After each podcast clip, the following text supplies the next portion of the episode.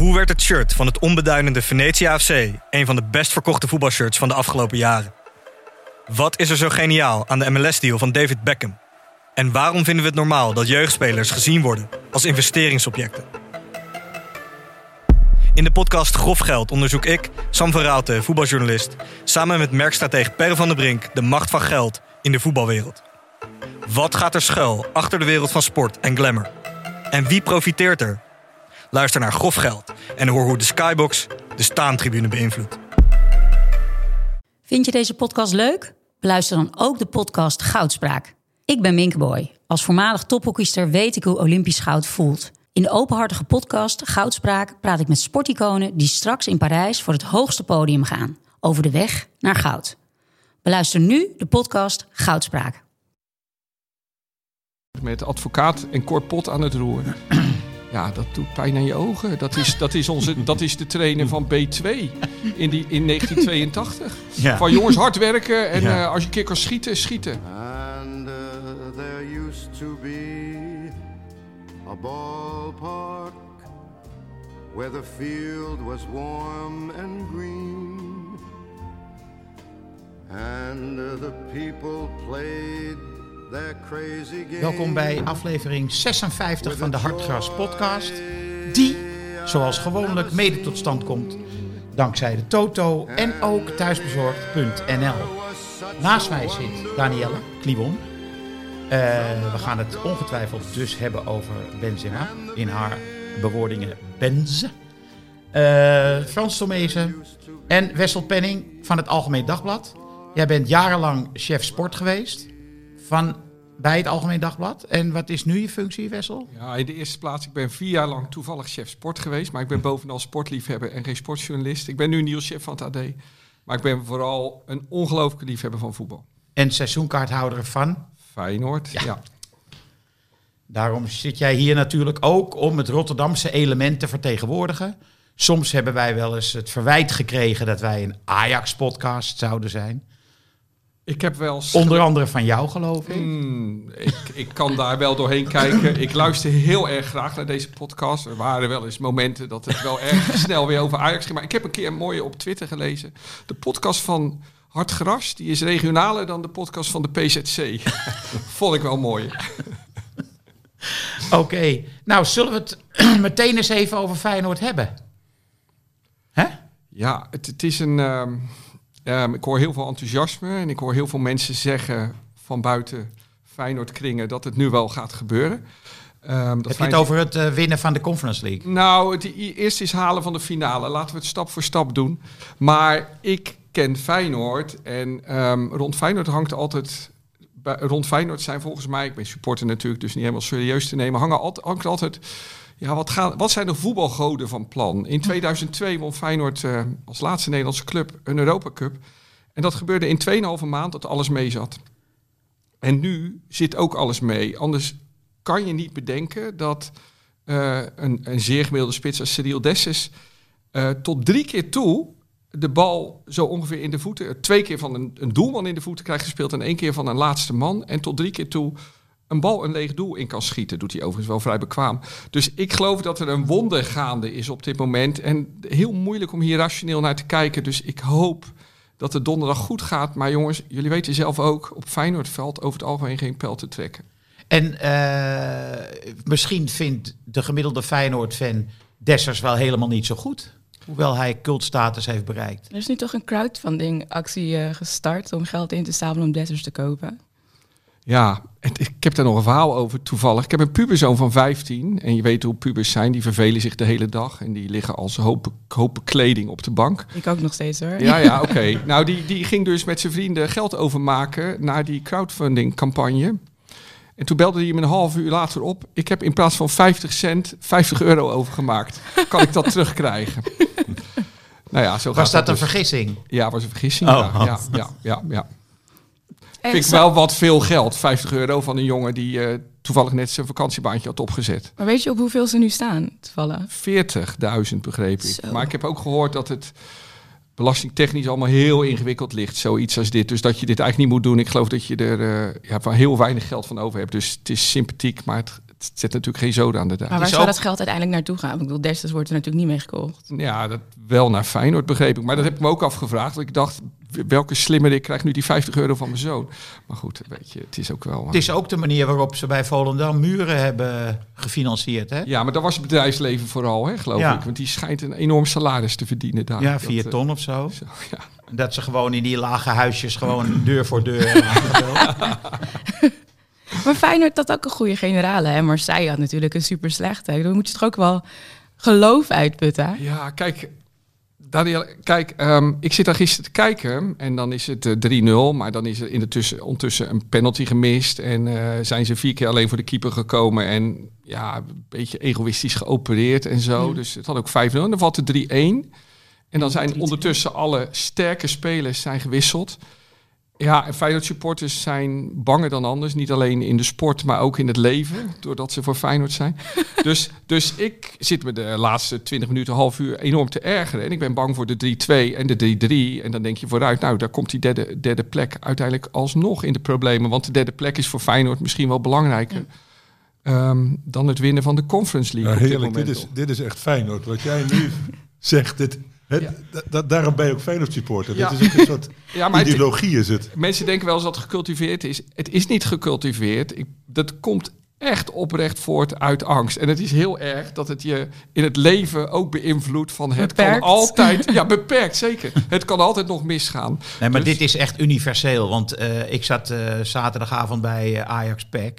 En dan kijk ik op Twitter. En er zijn die hele eh diehard Ajax supporters. Die vinden het ontzettend slecht. En we, We gaan, gaan toch niet verliezen.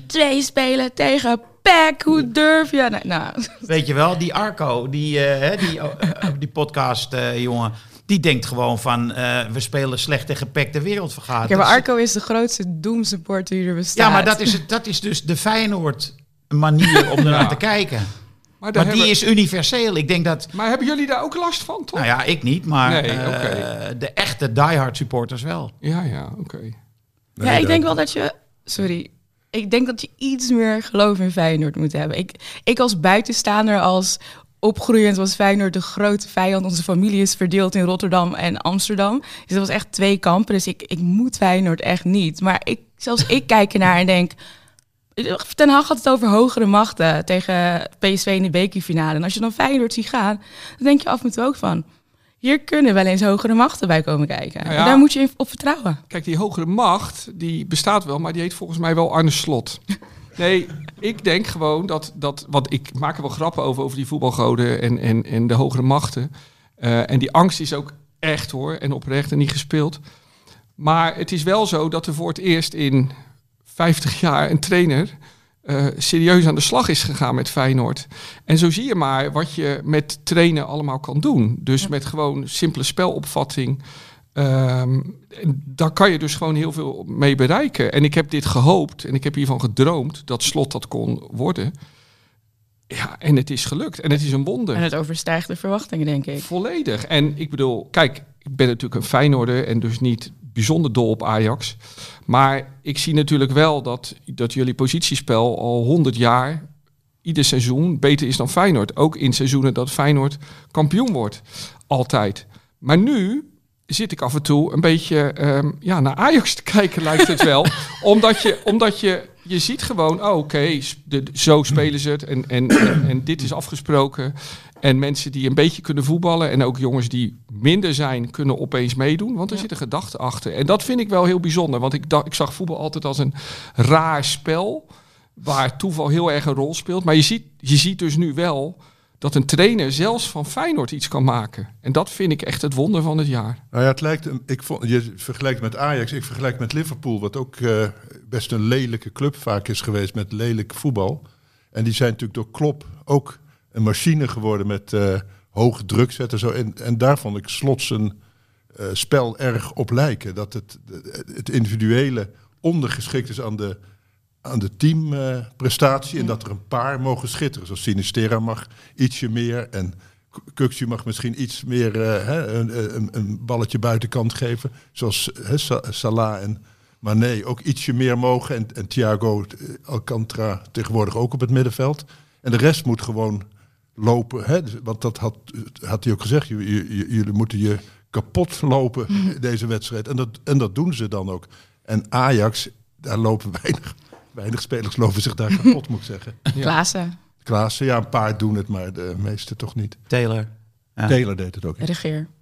Dus ik Ja, vind het ja. meer Liverpool, ook qua havenstad en qua mentaliteit en zangkunst. Ja. Dan, eh, Nou heeft Liverpool eerder goede trainers gehad. Hè. Ze hadden, hoe heet die, die Brandon Rodgers hadden ze Ja. vroeger. En daar verwachten ze ook veel van, dat hij die ploeg aan het voetballen zou krijgen. Maar het lukte ook niet. En Klopp is het gelukt. Het moet matchen ook. En qua, qua mentaliteit, mindset. Het is Ja. niet alleen maar het, de technische kant, het tactische deel.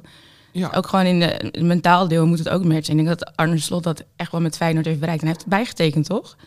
Ja, hij heeft nog een jaar nu. Denk je? Ik bedoel, als hij blijft, kan hij volgens mij op de lange termijn echt mooie dingen doen met dit team. Ja, maar daar hou ik dus wel heel erg mijn hart voor vast. Dat hij, nou dit jaar zal hij niet weggaan en naar Ajax ook niet. Ik zou hem ook best wel vergeven als hij op een dag nadat hij na Feyenoord naar een andere club is gegaan, ooit naar Ajax wil. Dat, dat, dat, dat gun ik hem best wel. Maar ik vrees dat er eind volgend jaar iemand hem komt halen. En dan zijn we daarna toch weer gewoon aan de goden overgeleverd misschien. Want dan moet je altijd maar zien. Ik, kijk, ik weet niet of jullie die Disney documentaire hebben gezien van Feyenoord met advocaat en Cor Pot aan het roer. Ja, dat doet pijn aan je ogen. Dat is, dat is, onze, dat is de trainer van B2 in, die, in 1982. Ja. Van jongens, hard werken en Ja. eh, als je keer kan schieten, schieten. Ik moest lachen. Gisteren ging Hans Kraai junior een pleidooi voor Dick Advocaat eh, houden. Ja, kom zeg. We gaan toch niet eh, slot nu heilig verklaren? Alsof advocaat nooit... eh, nou ja. Ja. Maar Dat dat, is het. Hè? Dat, dat, dat, dat oude hoe steeds dat advocaat het maximale uit de spelersgroep haalde. Ja. Slot heeft vanaf het begin gezegd: ik kan met dit materiaal uit de voeten. En, en los van een paar goede aankopen, maar dat is, dat is ook dankzij hem. Dat is goede scouting geweest. Trouwen komt volgens mij van Slot af. Want Slot heeft tegen hem gespeeld in de eh, Europa League met AZ. Maar los van dat, hij heeft middelmatige voetballers, laat hij goed voetballen. En, en, en die heeft er wat van gemaakt. En nou is dit wel een wonderlijk seizoen, hè, want het is gelukt met 14 man ongeveer. En Feyenoord heeft een, een basis van 14 spelers. Ja. En, en, en je ziet nu dat ze op hun laatste been lopen. En dus volgend jaar gaan er natuurlijk blessures komen. En kan het best wel veel moeilijker worden. Maar tot nu toe is het gelukt. En, en ja, dat is echt denk ik wel een les voor alle clubs. Als je, ik heb altijd wel geloofd, als je beleid maakt en verstandige mensen aantrekt, op posities zet, dan kan je echt te ver komen. Ja. Ik be- bedoel, dat is toch bij Ajax ook gebeurd met Ten Hag. Ik bedoel, daar moest iedereen een beetje om lachen. Maar dat is natuurlijk gewoon een steengoede trainer. Ja, en bij Feyenoord stroomt er nog eens jeugd door ook. Want de paar die ik nu zie, vind ik behoorlijk goed eigenlijk. Hè? Zoals Geertruida, ik weet het niet. eh, of die eh Malasia. Malasia. Ik vond Geertruida ook echt bizar. Like, hoe kom jij hier voor de goal twee keer? Ik- Ja. Echt, wat je zegt, die spelers, middelmatige spelers, die boven zichzelf uitstijgen en dan opeens een potential ability krijgen die veel groter is dan je van Ja. tevoren dacht. Dat je denkt van, eh, oké, we hebben Dumfries, maar we hebben ook Geert Precies. Nou ja, Maar ik vind het een soort van... eh, alle goede trainers, die maken spelers beter. Hè? Bijvoorbeeld Klop. Wat ik heel goed van Klop vind, ook dat elke keer past hij spelers in, in het elftal. En die spelers die worden dan ook dominant in het elftal. Fabinho, weet je wel? Dat is gewoon een van zijn beste man, mensen. Alcan, Alcantara, Alcantara. Niet te geloven, toch? Zo goed als die jongen, die bij Bayern nooit zo goed geweest als hij nu bij Liverpool is. En eh, nou ja, dat, dat doet hij bij Feyenoord ook. Maar het is dus wel de context. Hè? Want ik denk eigenlijk, dat, dat is nu bijna de inzien, mijn theorie, dat er bij Feyenoord, Feyenoord jeugd was wel minder altijd Henk dan Ajax. Maar daar liepen ook goede spelers. Alleen jarenlang was de context niet dat je kon doorbreken. Ja, En, en ik bedoel, Stefan de Vrij is puur bij toeval een top, een wereldtopper geworden. Omdat hij op een gegeven moment was de derde rechtsback ook geblesseerd. Nou, dan proberen we die de Vrij maar. Die ze bij Feyenoord eigenlijk een beetje te slim vonden. Eh, ja, want het zat op het VWO en dat is bij ieder vak is Piano dat. spelen, boekje lezen. nee. Nee, nee. Moeten ze niet hebben. Maar ik heb dat ook wel eens met, met collega's op de sportredactie gehad. Die zeiden, ja, de Vrij denkt te veel en is te slim. En dan zei ik, ja, maar bij iedere beroepsgroep is dat een voordeel. Dit is wat Michels vroeger zei eh bij over. Arie Haan en Klaas Nuninga. Hè? Ja. Jongens met kweekschool. Ja. Daarvan zijn Michels, die moet je niet hebben in je Nee. elftal.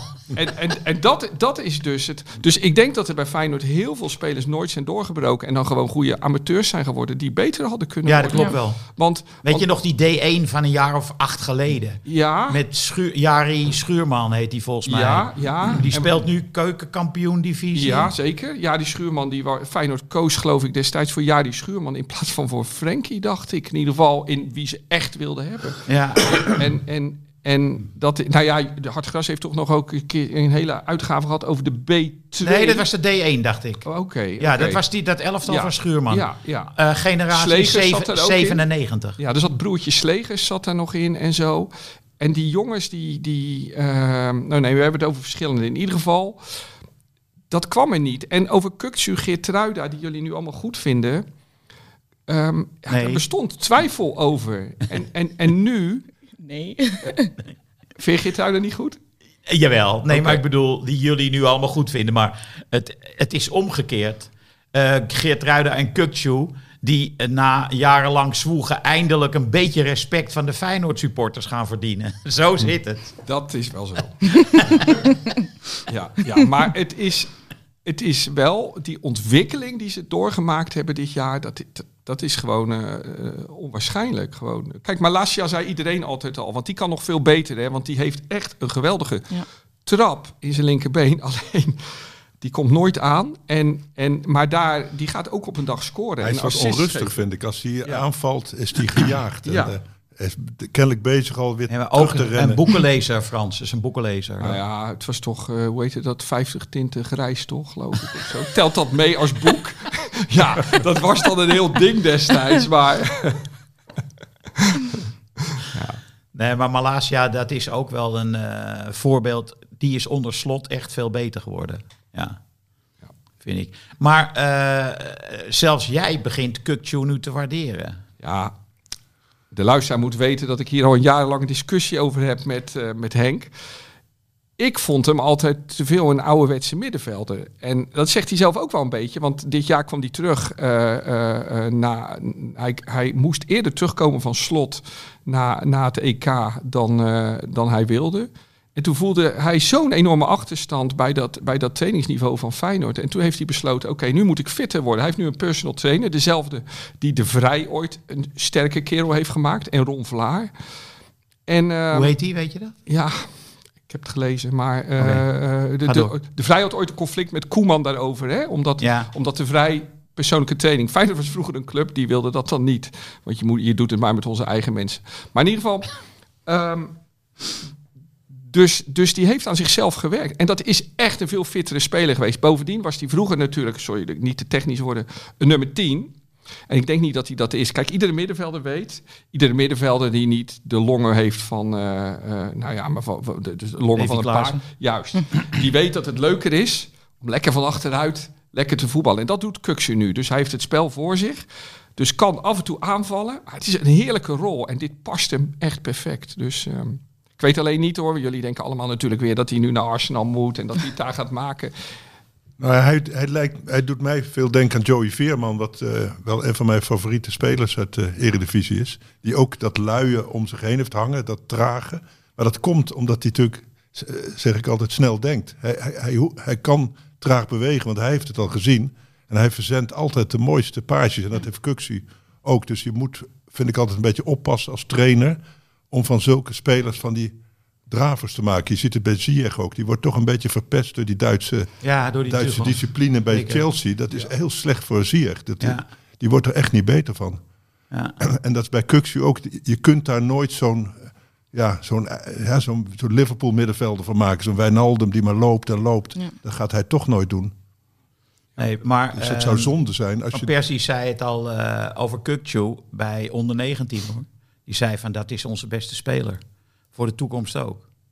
Dus eh, ik heb het niet eh, zeg maar zomaar gezegd. Je hebt het niet zelf bedacht. Hè? Je hebt het niet zelf bedacht. Nou, hij heeft me erop gewezen. Want ik was eigenlijk een fan van die andere jongen die naast hem speelde, die blonde gast, Burger. Ja, Wouter Burger. Ja, En die zit nu bij Basel. Ik weet niet of hij daar speelt, maar dat, dat was ook wel een hele leuke speler. Ja. en dus gingen wij een keer, hadden we het over dat middenveld. En toen zei Robin tegen mij, nee, maar die Kukcu, dat is echt eh, ver weg de beste. Wat je wel hebt met Kuxu en dat soort spelers, omdat ze zo goed spelen, willen ze altijd een mooie oplossing. Dus ze leiden nog wel eens balverlies op een hinderlijke manier. En dat zie je heel erg. En dat krijgt, ik zag het ook bij Kudus bijvoorbeeld, een wat dommere speler, maar ook altijd een mooie, mooie oplossingen. Ja. En maar je ergert je alleen maar aan zijn balverlies en al die mooie dingen, die Ja. vergeet je dan. En, dat, Veerman gisteren ook in de Veerman eerste ook, 20 ja. minuten of zo. Verloor vier keer de bal. ja, en toch vind ik dat die spelers dat moeten doen, want dat maakt toch het voetbal als spel leuker om naar te kijken. Dat Ja, de entertainmentwaarde gaat Maar ook omhoog. Dat zijn echt voetballers naar mijn hart. Ja. Eh, ook Kudus en, en, en, en Veerman. En vroeger had je, ja, nu gaan jullie lachen, had je Luigi Bruins. Ja, geweldige En- speler, man. Mhm. Ik, dat is de Echt voetballer een die ik zelf speler. wil zijn.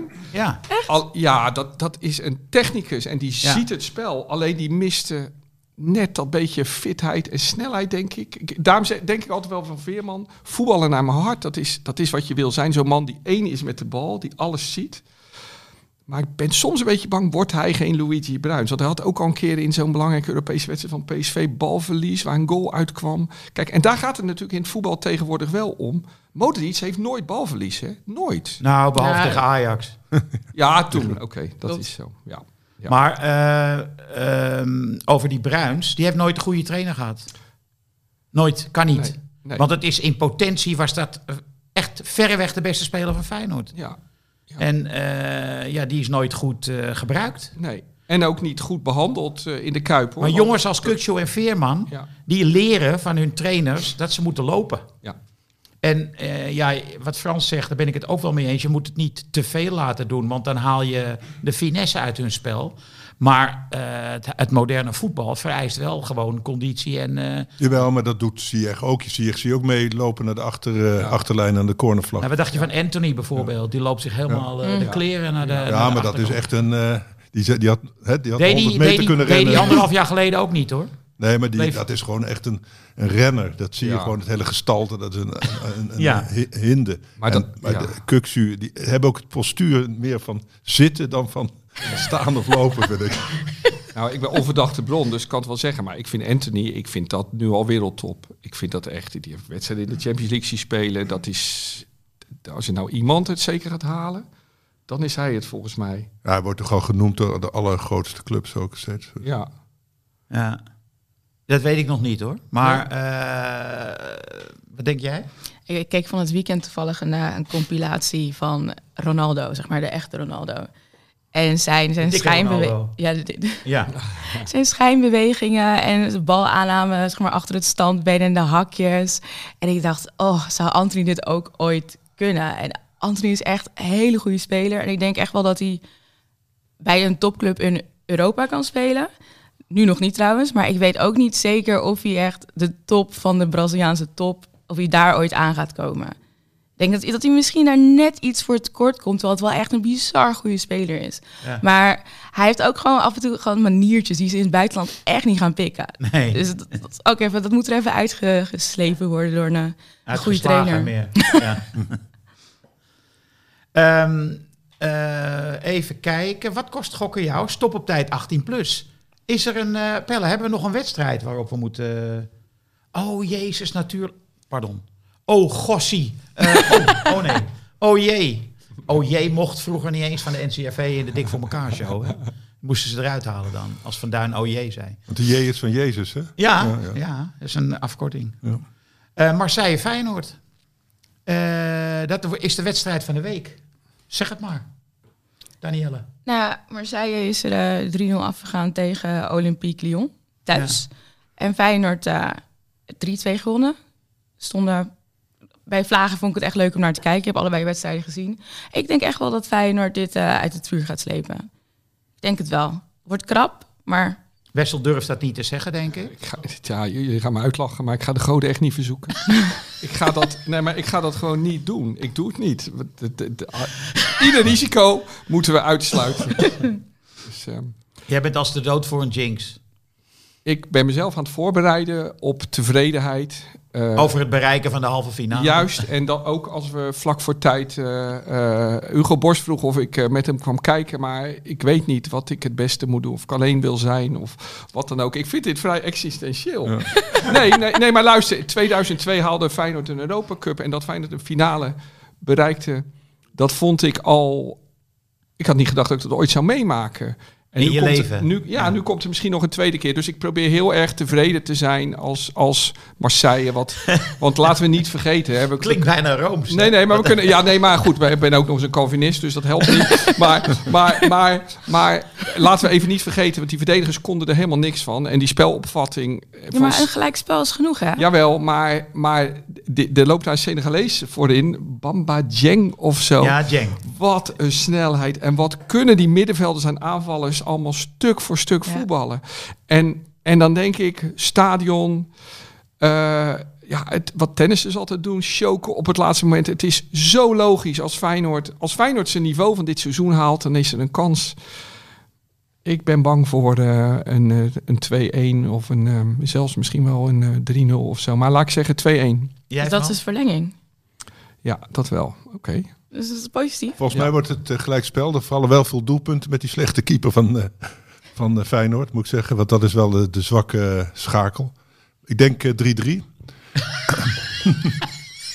nee, ik, Veel doelpunten. Ja, ik denk En- dat, eh, ja, want eh, Feyenoord gaat er zeker een paar, paar doorlaten. En, eh, maar ze gaan er ook makkelijk maken met die slechte verdediging. Want dat- die gaan ni- niet ineens heel, heel goed verdedigen. Dat, eh, dat lukt ze niet meer. En ik vond Feyenoord heel erg goed dat ze, dat ze opzaten. Hè? Dat, eh, ze, ze, ze zaten zo fel op die, eh, op die Fransen. Die, die, die werden er helemaal gek van. Die, die, die konden geen bal meer eh, goed pasen. Die raakten hem na- twee, drie keer alweer kwijt. Dus de- als ze dat blijven doen. En ze hebben natuurlijk wel de spirit nu. Niet, Ik die, denk, van, niet die van jou, maar die van Arne Slot. Ja. Hè, want het is maar goed dat jij er niet voor staat. Want dan zou ik inderdaad eh 4-0 te- aftekenen. Ja. Maar, dus, en, en scoren, ja, Dessers toch alweer. Ja. Geen Payet? Hm? Dimitri Oh, je mag ook. Ja, Payet, ja, het zou wat mooi Maar, zijn. hè? nee, nee, Dessus neem ik Payet. Oh ja, ja eh. Ik denk de 2-1, dan wordt het verlengen. Maar het geldt voor 90 minuten, geloof ik. Hè? De, ja. Ja, officiële speeltijd. Ik denk 2-1 en ik denk eh Payet. Ja, denk ik ook. Nou ja, eh, en dan wordt het verlengen en dan krijgen we penalties. En dan hebben we een probleem misschien, Geen want eh de- Mandanda is wel een topkeeper natuurlijk. Ja, ja, maar ik heb wel begrepen dat, dat hij dat nou weer wel een beetje kan. Die, Valencia, of weet die, die, die keeper eh, van Feyenoord. ja, dus eh Marciano. Marciano, ja. Ja. Kijk, jullie denken allemaal verlenging en ik ben de enige die denkt, oké, 1-1 en we gaan door. ja. Nee, nee, ah, nee, ja, 3-3. 3-3. Ja. Ja. En eh Danielle, wat ga jij ehm, bestellen bij thuisbezorgd.nl? Want eh, je kan namelijk eh, een ticket en een geheel verzorgde reis winnen naar de Champions League finale in Parijs. En als jij een originele manier kunt verzinnen om eh, jouw ehm, onvergetelijke avond via thuisbezorgd.nl in te vullen, als je dat kan, zo origineel mogelijk, dan heb je kans op twee tickets voor de Champions League finale. Dus wat ga je bestellen? ja, lastig dit hoor. Maar ik ga toch gewoon voor een eh, hele vet belegde pizza, vier kazen met ei. Ehm, als, het nou, als hij nou iets te laat is, hè, de thuisbezorger, ga jij dan, eh, zeg je dan via je appje tegen hem, zet het maar voor de deur neer? Of loop je toch weg om hem, om hem aan te pakken, die pizza? Ja, ik kan de televisie dus zien vanaf mijn voordeur. Oké, dus om, om, omkijkend loop je naar de voordeur. Ja, ik dus ren naar de voordeur, die doe ik alvast open. Want hij moet nog met de lift naar boven. En dan sta ik zeg maar in het halletje met één oog op de televisie en één oog op de deur als hij komt. Dus dan hoef ik mijn arm alleen uit te strekken zonder iets te missen. Ik heb dit vaker gehad, dat ik goals heb gemist door bij de voordeur te staan. Dus ik neem dat risico niet meer. Ik moet zicht hebben op, het, op de wedstrijd en op mijn eten wat eraan komt. Ja, en als je dus zoiets leuks hebt verzonnen, eh, plaats dan je hashtag onvergetelijke avond op Twitter en tag hartgras1 en hashtag eh, en eh at thuisbezorgd.nl om een kans te maken op die tickets voor de Champions League finale. Ja, om naar de Real Madrid te kijken tegen Liverpool. Dat is op de zaken vooruitlopen. Maar inderdaad, bestaat die kans. Ja. Nou ja, nu we het toch over eh, Real Madrid hebben gehad. Ik heb niet die, ik schroom zeg maar niet om te zeggen, oh, Madrid gaat gewoon door. Like, ik heb die angst totaal niet. Ik geloof in de hogere machten. We hebben het tegen PSG gezien en tegen Chelsea gezien. De voetbalgoden hebben hun favor aan Real Madrid gegeven. Oké, En dit gaan we thuis gewoon afmaken. Het wordt uh, 9-6 of zo over twee wedstrijden. 9-6. Ah. Ik zag Gullit en eh, die vond dat, ehm, die was bij Ziggo in gesprek met Suze van Kleef. En Gullit vond wel dat eh, Ancelotti, zijn oude teamgenoot, echt extreem veel geluk heeft gehad. Nou is het geluk of eh, is het een stukje afdwingen? Kijk, wat Madrid heeft, dat zag je ook in die eerdere knockout wedstrijden. Ze stoppen niet. Ik bedoel, binnen 11, 12 minuten staat City 2-0 voor. Het lijkt me zo frustrerend als je City bent. Je komt op een gegeven moment 3-1 voor. Je hebt zoveel kansen die ze hebben gemist. Je denkt op een gegeven moment, ga liggen. Ik bedoel, Real Madrid moest in de tweede helft, na die 3-1, moesten ze eigenlijk gewoon als een schildpad op hun rug gaan liggen van oké, we geven ons over, dit is gedaan. Maar dat doen ze niet. Ze gaan gewoon door en ze staan op. En against all odds, Madrid is slechter dan City. Madrid is niet zo goed als Chelsea speelde. Madrid is van het veld gespeeld tegen PSG in die eerste wedstrijd. Ze hadden gewoon die knock-out wedstrijden moeten verliezen. Ze hadden al uitgeknikkerd moeten worden en dat doen ze niet. Je hebt een houten staak, een zilveren kogel nodig voor Madrid voordat ze gaan liggen. Ik wil, iemand vergeleken het met de Hydra van Lerna, die, die, die slang, die mythische slang. Je hakt één kop af en dan groei je er twee terug. Drie. Drie terug, nog erger. Ik bedoel, Benzema, Vinicius. Ik heb het ook niet uitgevonden. Is- En dan heb je gewoon een driekoppige slang. Wat ga je daar tegen doen? En ze verdedigen gewoon niet. Verdedigend was het niet om aan te zien. Bij City trouwens ook, maar die misten natuurlijk eh, Jones, nee, John Stones, die Ja, ik altijd. Jones noem. Walker, Ja. Sao Cancelo. Dat zijn echt wel spelers die je daar mist Cancelo achterin. is terug hè, voor de, deze wedstrijd. Ja, daar maak ik me best wel zorgen om. Ja. Ik moet trouwens zeggen, Sinchenko, die deed het goed als een, eh, een B-versie van eh Cancelo. Die ging ook lekker mee naar voren, voorzetjes, liet wel veel ruimte voor Rodrigo, maar Ja, ik vond hem wel een van de slechtste bij City, eerlijk gezegd. Zinchenko. Ik, ik vond hem wel goed kopiëren wat Cancelo altijd Ja. op, die, eh, op die flank doet. Maar, Ik denk dat eh, bijvoorbeeld eh, terugkeren van eh, Casemiro ongelooflijk belangrijk Ja, maar is. die zat toch ook gewoon op de bank. Dus was hij nog niet helemaal fit? Ik snap zeg maar die keuze Volgens niet om hem was niet... hij niet fit. Want Kroos dat- die stond Ja, defensief. Oeh, dat is Ja. echt niet zijn positie. Nee, maar hij geeft dus Ancelotti gaf eh, Bernardo Silva gewoon de kans om te schitteren. En Casemiro die schopt hem. Klaar. Ja, je haalt hem gewoon onderuit en dat is het mooi geweest. maar als je toch een beetje van voetbal houdt, dan was City toch zo ontzettend goed. Zeker die eerste helft. Dus dat, dat, dat Real, dat is gewoon met de, inderdaad kunsten, vliegwerk en geluk en de scheidsrechter, houden die dat beperkt. Ja, maar als je van voetbal houdt, dan vind je het ook leuk dat Nee. Benzema... Nee, ik vind het leuk. Ik vind het leuk dat Real die zorgt voor de leukste wedstrijden in de Champions League. Ja, Ja. precies. Hè, Ja, maar- één jaren, vind ik. Ja. Maar ze zijn inderdaad niet de betere ploeg. En Nee. City was echt fenomenaal op bepaalde momenten. Ik hield mijn hart vast. Ik, vier, ik was jarig dinsdag. Dus ik hoopte dat ik een hat-trick voor mijn verjaardag zou krijgen van Benzema. Maar ik had een heel klein feestje thuis en vrienden kwamen langs. En iedereen zei, Dani, je gaat huilen op je verjaardag. je gaat het echt kut hebben op je verjaardag. Dan zei ik, wat bedoel je? Ja, Benzema gaat zo hard eraf. Maar er wordt uitgeschakeld. Ja, ik zag het al na een kwartier. Ik dacht, oh mijn god. Dus mensen waren ook, ja, doe die televisie uit. Kom, ga gewoon lekker dansen en muziek eh, draaien. Dan zei ik, nee, we komen terug. We gaan doorkijken. Madrid gaat altijd door. En ik was aan het einde van die wedstrijd best wel euforisch en happy. En oh mijn god, die panenka. Benzema poept zo wat ijsklontjes. Dat is echt bizar. En je zou dan bijna vergeten dat we gewoon 4-3 hebben verloren. Het voelt als, als een overwinning. En City was echt op veel vlakken beter. Op alle vlakken. Op het middenveld overliepen ze, overliepen ze Real Madrid. Maar dat is dus die kracht van Madrid. Wanneer je denkt dat ze het niet meer kunnen...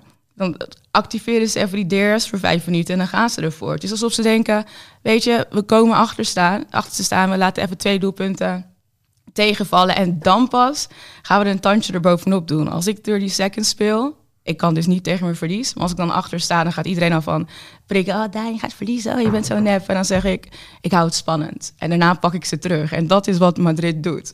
Ze houden het gewoon spannend. En straks in Bernabeu pakken we ze terug. Nou ja, en ze worden ook wel geholpen door Ancelotti, die echt verbazingwekkend goed wisselt. Het inbrengen van Camavinga twee keer heeft ze gewoon eh, heeft de wedstrijd eh, omgekeerd. Ja, ik moet...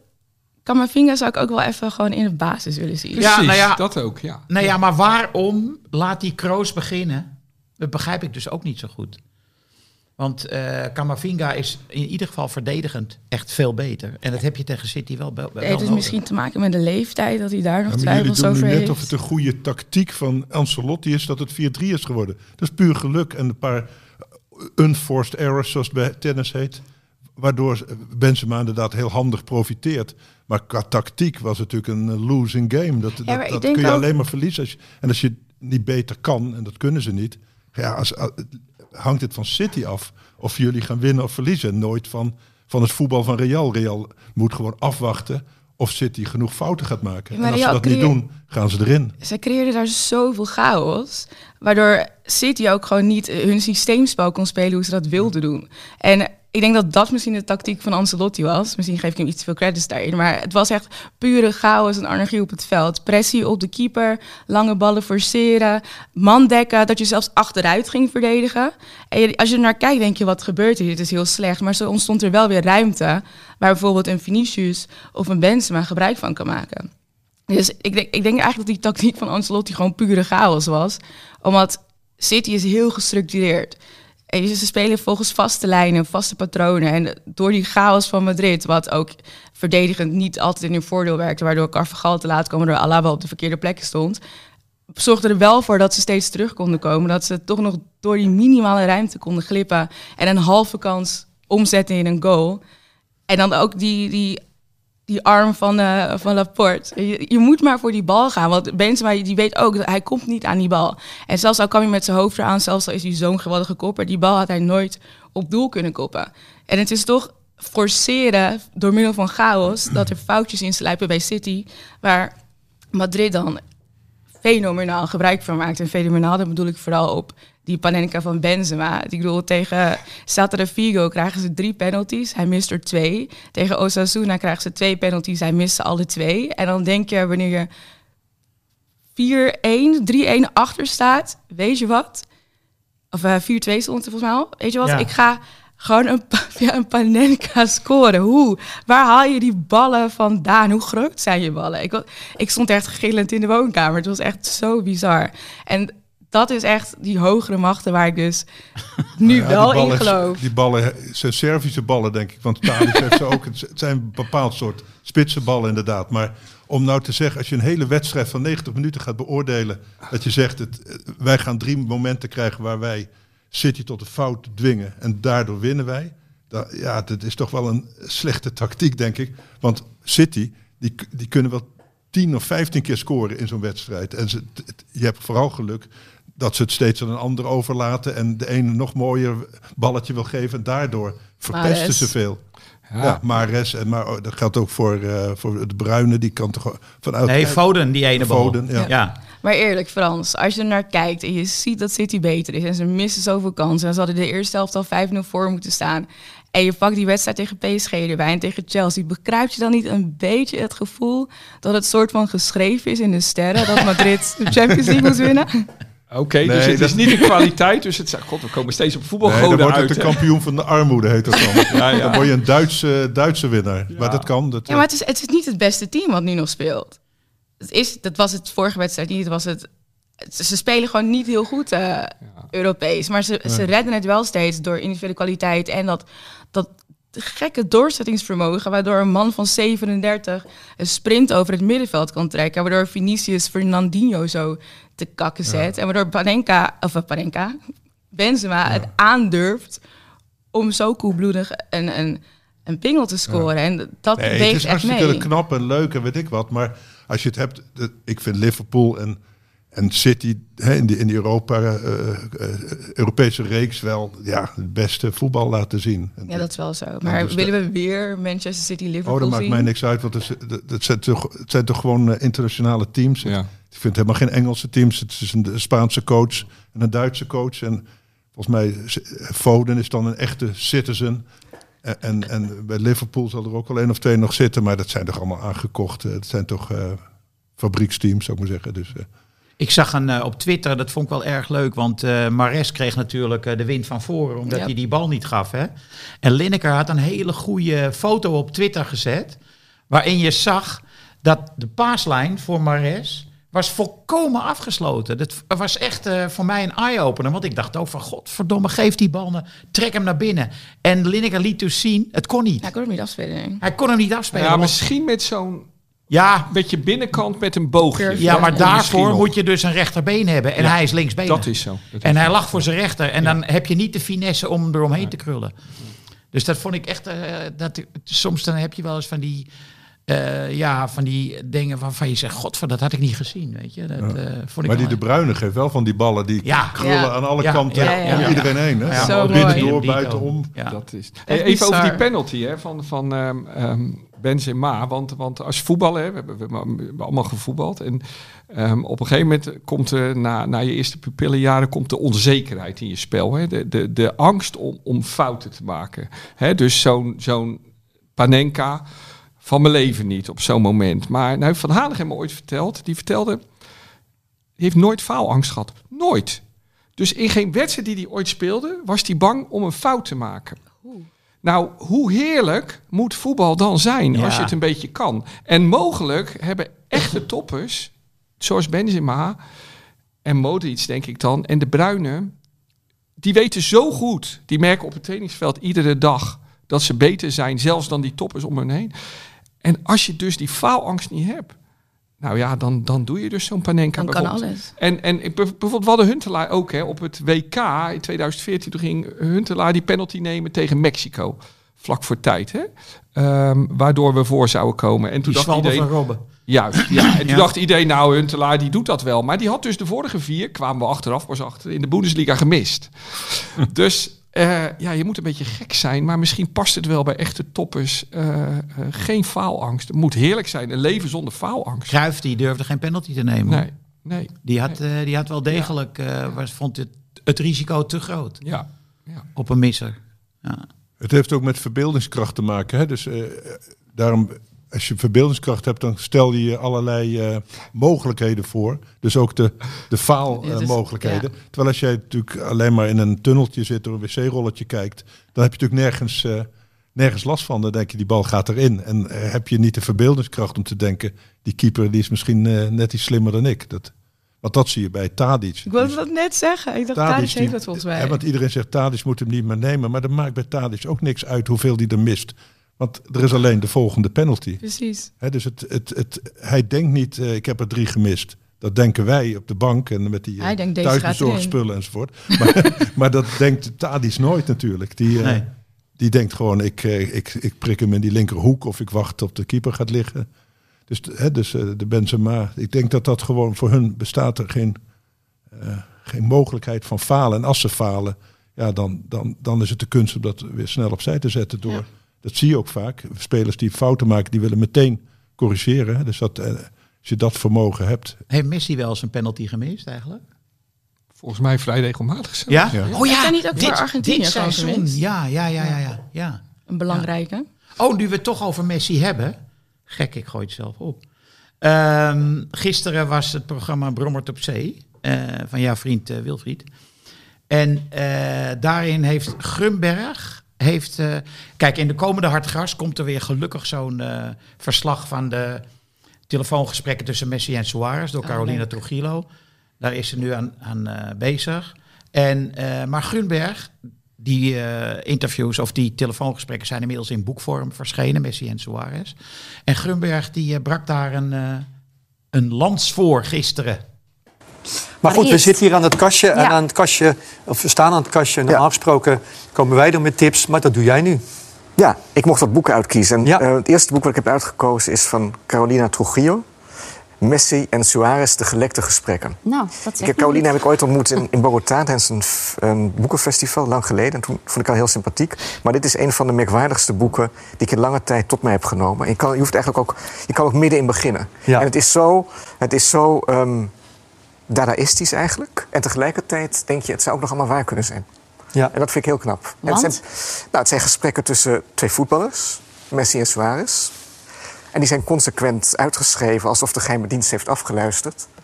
En eerst denk je, oh, dit is allemaal bedacht. Maar op een gegeven moment ga je toch twijfelen. En denk je, ja, misschien had ze echt toegang tot deze... Ja.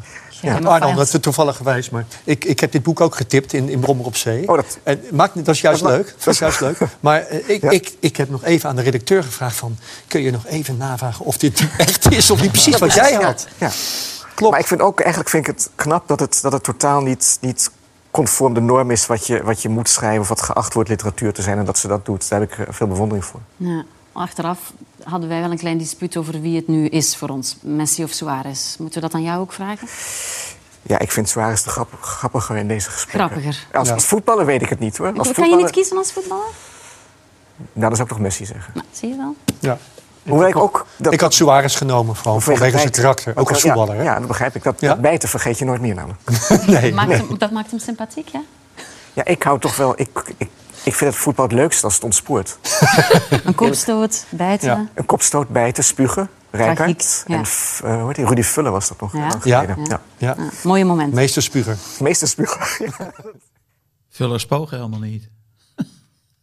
Ik had echt hetzelfde idee trouwens toen ik het de allereerste keer in Hard Gras las. Ja. Twee keer gelezen en dan zei ik, dit heeft ze verzonnen. Maar heeft ze het echt verzonnen? Like, zit er ergens een kern van waarheid? Ik was heel erg aan het twijfelen.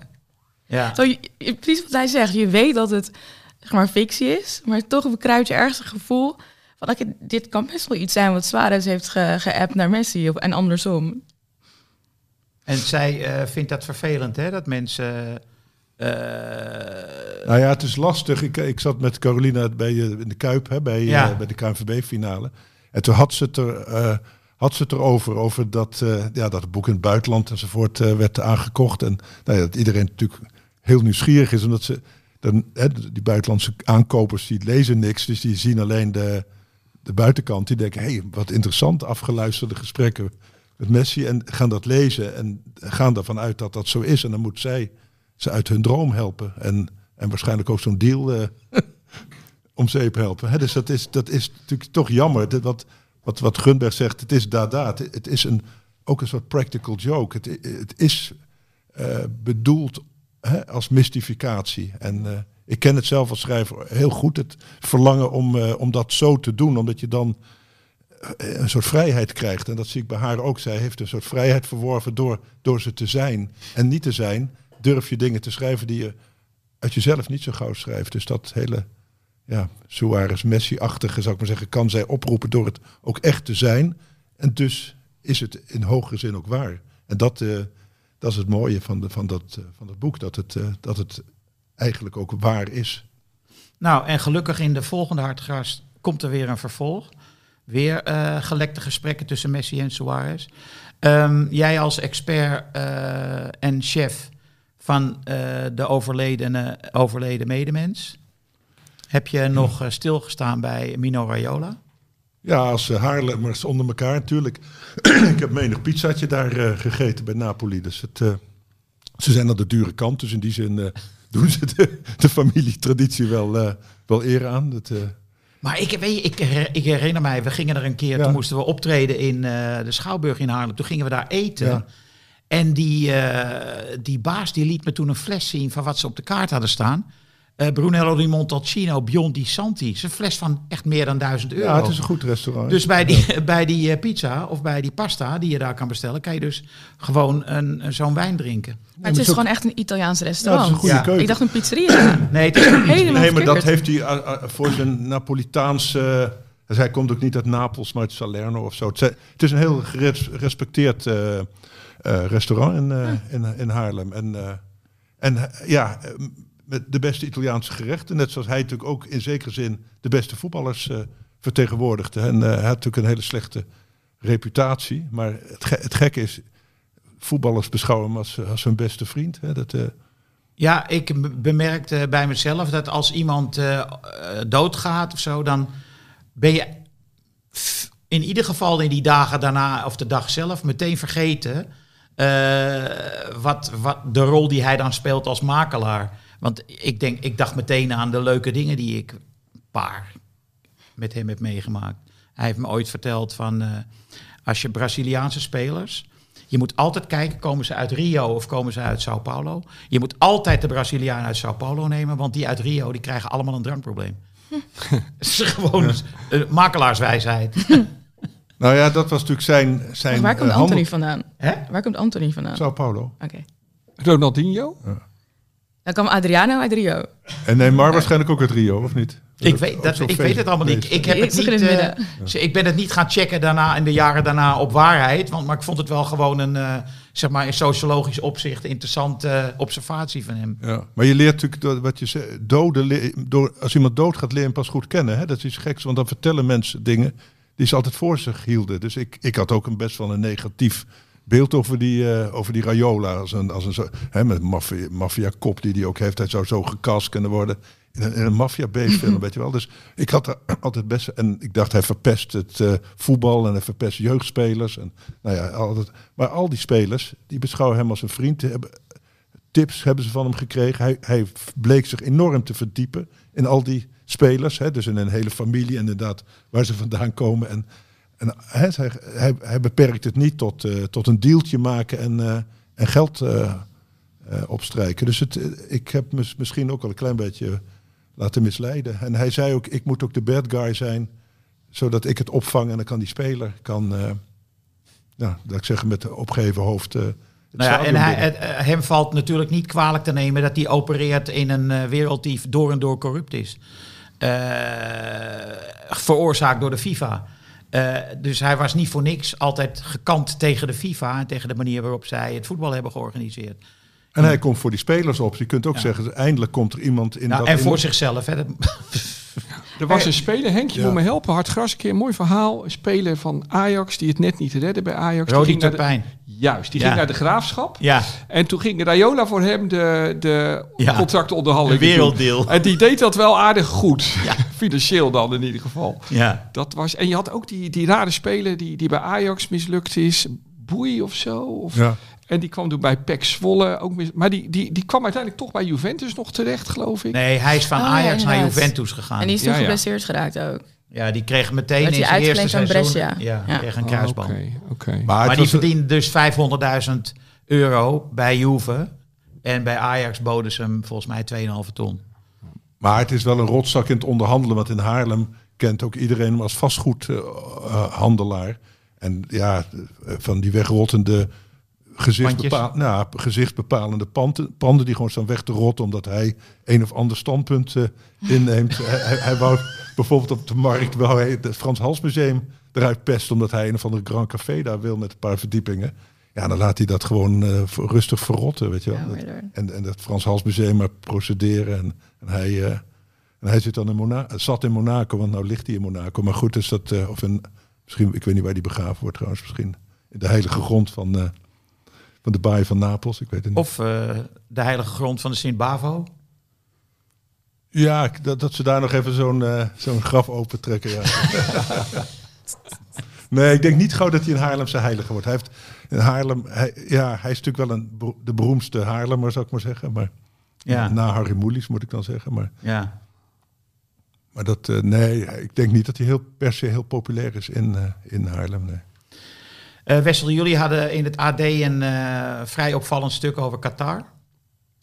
Klopt, ja. ja. Nou ja, het probleem met Qatar is natuurlijk altijd weer... je wil, je wil zo'n stuk maken dat Ronald de Boer niets meer terug kan zeggen. Hè? En Clarence Seedorf. Ja, dat hij niet meer kan zeggen van... ja, maar er waren ook onderwijzers bij en dergelijke. En het klopt allemaal niet. Dus het, het- we, we hadden getuigenverklaringen die heel serieus waren. Ook op band en dergelijke. Dus daar kan je wat mee. Maar tegelijk, het probleem is wel... want we hebben er best wel mee geworsteld een paar dagen. En een paar dagen mee bezig geweest. Je wil eigenlijk ook daarmee het ultieme bewijs leveren. Maar dat kan je niet met zeven verklaringen. Je kan alleen aangeven dat het stinkt. Ja. En dat is het probleem met Qatar natuurlijk. Ehm, ehm, hoe kan je nou echt bewijzen op papier dat het niet deugt? We voelen allemaal dat het niet deugt, maar je zou het willen bewijzen, ook journalistiek. En dat is moeilijk. Dus Ja, maar ehm, wat me opviel was dat het eh, behoorlijk zeg maar, tegen de tijdgeest inging. Eh, want eh, mensen worden echt eh, bijna hysterisch als het over eh, het WK in Qatar gaat. En op zich wel redelijk eh, aannemelijk ook, omdat eh, het is via een corrupte deal tot stand gekomen dat het Ja. WK daar wordt gespeeld. Eh, maar het was redelijk genuanceerd wat jullie brachten. het was feitelijk. Ja. Dat was feitelijk. Ja. Vond ik Ja. ook. We hebben in Hartgras natuurlijk ook al een keer of drie eh, via Judith Spiegel daar ehm, artikelen over gepubliceerd, ook al tien jaar geleden. Eh, en ehm, in ieder geval, kijk, van meet af aan was het een PR-offensief van de Internationale Vakbond. En die hebben dit formidabel gedaan. Want A, zijn ze erin geslaagd om de hele publieke opinie eh, te mobiliseren. B, is het ze gelukt om die kafala-wetgeving op een ander niveau te brengen in, in, de, in Qatar. En met als gevolg dat van alle oliestaten Qatar nu de, zeg maar, de meest eh, liberale arbeidswetgeving van de regio heeft. Dus zelf hebben ze dat heel slecht gedaan, Qatar. Die zijn altijd in het defensief geweest. En ehm, ja, Ja, maar die eh, wetgeving is niet aangepast. Maar volgens mij in de praktijk is er vrij weinig nog veranderd. En ze, eh Enzo van Steenberg, die had het daar laatst ook nog over. Dat vroeger, eer voorheen moesten ze dan toestemming aan hun werkgever vragen voordat ze ergens anders aan de slag komen. Dat is dan nu veranderd in de wetgeving. Maar in de praktijk is het dan zo dat eh, hun oude werkgever dan geen goede referentie bij de nieuwe werkgever geeft. Of alsnog op een of andere manier een stokje voor steken, waardoor die dat bijvoorbeeld beveiligers dan zonder werk zitten. Dus enerzijds is er echt heel veel veranderd, is het verbeterd op papier, wettelijk. En anderzijds is zeg maar de situatie on the ground, hoe het in de praktijk wordt toegepast, is niet veel veranderd voor de mensen die daar zitten. Maar jullie hadden wel eh, iemand van de FNV eh gequote. Die zei dat het in de praktijk ook wel vooruit was gegaan, toch? Ja, dat wel, maar, maar de vraag is of je dan nog steeds zo, of dat nog steeds zo'n vehikel als een eh, WK voetbal eh, eh, rechtvaardigt. Dat Ja. blijft natuurlijk het ding. En wat gebeurt er straks, hè, als dat WK voorbij is, half december? Ehm, dan, dan moet je wel bezorgd zijn dat die mensen daar, de- daar weer aan hun lot zijn overgelaten. En, en in zoverre is die publiciteit natuurlijk ook wel weer gunstig. En ehm, maar ja, je blijft afhankelijk van activisten, zoals wij, zoals wij in dit geval ook, die echt dan naar Nepal gaan om, om verklaringen op te halen. Ehm, de, de, de, ik weet, wij hebben ook plannen om in. eh, eh, het is al mei, ja, deze maand dus. Een verslaggever naar Qatar te sturen. Die daar echt rustig, die het WK gaat beschrijven. En die daar probeert dingen te doen. Maar een paar jaar geleden is nog een, een wielerverslaggever van ons, Daan Hakkenberg. Die is daar opgepakt. En die heeft een paar nachten in de cel gezeten. Nadat hij, nadat hij op het terrein van de eh, ambassade van Nepal was geweest. En niet direct reageerde toen eh Qatar's eh, beveiligers uit Qatar die, eh, eh, eh, hem riepen om naar hun toe te komen. Wauw. Dus het is echt wel een. eh, eh, hij is sindsdien niet meer naar dat land gegaan. Terwijl je daar altijd zo'n wielerkoers hebt hè, aan het begin van het seizoen. Want omdat dat natuurlijk hun, ehm, hun nieuwe bestaansdoel wordt. Grote, grote sport- Sportevenementen, sportevenementen, omdat Ja. de olie opraakt. Maar ehm, ja, hebben we zin in het WK? Wat een ontzettend mooie laatste zin van deze podcast. Eh, volgende week zijn we er weer. Ehm, de podcast kwam tot stand via thuisbezorgd.nl en uiteraard Toto. Want wat kost gokken jou? Stop op tijd. 18 plus.